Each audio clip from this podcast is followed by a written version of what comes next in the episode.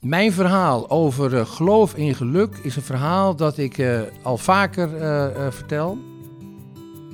En ik ben Leo Feijen en ik ben uitgever en ik ben tv-maker. Ik schrijf graag en ik kom graag ook in een kerk. Daar voel ik mij thuis. Het is gebaseerd op een huisje in mijn hart. En dat huisje dat heeft verschillende onderdelen. En dit heb ik geleerd van mijn ervaringen in kloosters. Ik heb heel lang een kloosterserie gemaakt. Ben in 50 kloosters gekomen. En, en heb daar geleerd welke waarden een grote rol spelen in een uh, leven. En zeker in mijn leven. En daar heb ik geleerd dat ik niet kan leven zonder de stilte. Dat ik niet kan leven zonder wachten. Dat ik niet kan leven zonder ruimte te maken voor de ander. Maar hoe zorg je nou dat die waarden telkens weer terugkomen in je leven? Daarom heb ik een huisje gebouwd in mijn hart. En dat huisje heeft een vloer van de stilte. En dat betekent dat ik ochtends eerder wakker ben dan mijn vrouw. En um, dat ik uh, in die uh, eerste uren van de dag, dat ik uh, bij mezelf kan zijn en bij God kan zijn. En dat er niets is wat mij stoort op zo'n moment. Dan ga ik niet naar mijn mail, niet naar mijn telefoon, niet naar de computer, luister niet naar de radio, niet naar televisie. Er is alleen de stilte. En dat is de vloer van het huisje. Het huisje heeft ook een deur en een hal. En in die hal moet je wachten. En wachten is de manier om als het moeilijk is in het leven, niet met je oordeel te komen. En te wachten. Te wachten tot de stem in jezelf klinkt, wat is de weg die je moet gaan.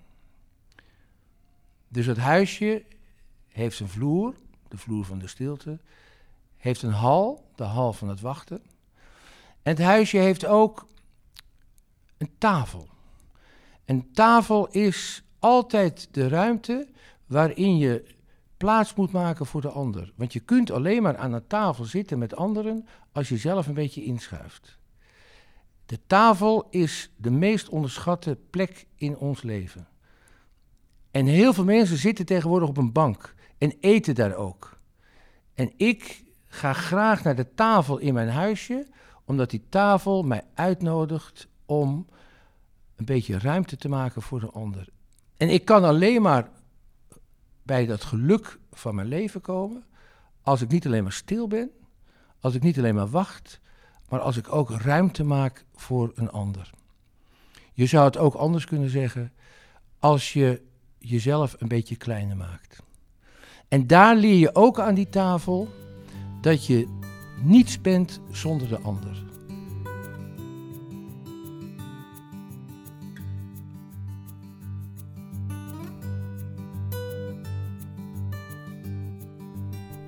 Geluk is altijd in relatie met de ander. De ander geeft jou het geluk. Jij kunt dat zelf niet maken. De ander doet dat. En dat is de ander met een kleine a. Vervolgens is er het raam. En het raam mag best vaak open, maar soms moet je dat raam dicht doen.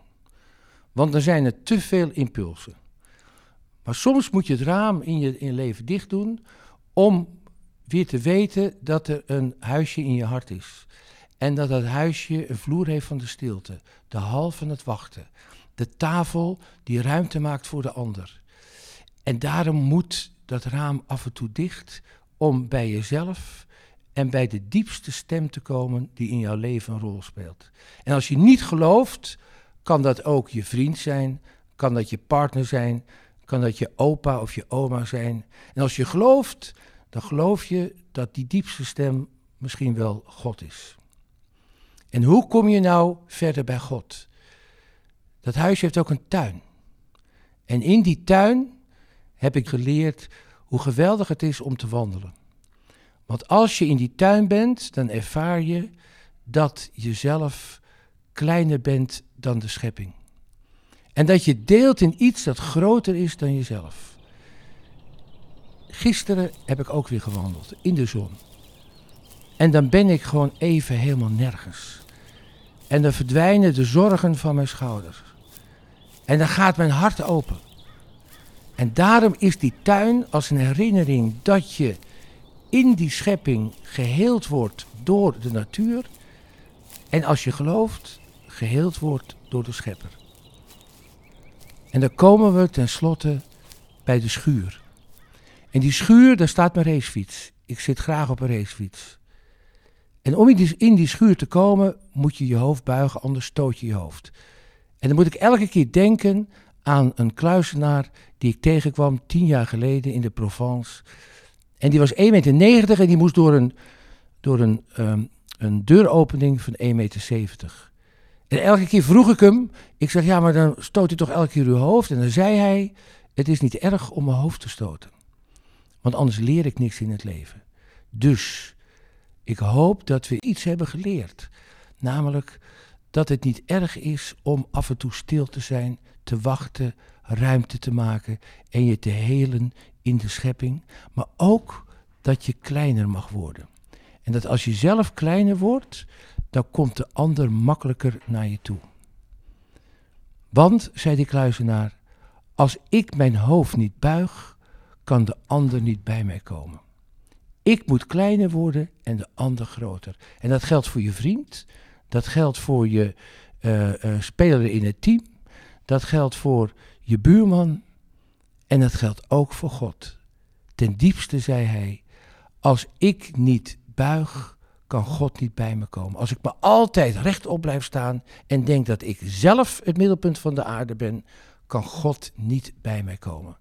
En dat is de diepste les van het huisje in mijn hart, met die vloer van de stilte, de hal van het wachten, de tafel die je al leert dat je af en toe kleiner moet zijn, de ramen die dicht moeten, de tuin die je heelt tijdens het wandelen en de schuur die je dwingt om je hoofd te buigen. En dan is de laatste vraag, wat is nou het diepste wezen van geluk? Het diepste wezen van geluk is niet te vinden op het dak dicht bij de hemel, maar dat is in dat huisje in je hart, in die schuur.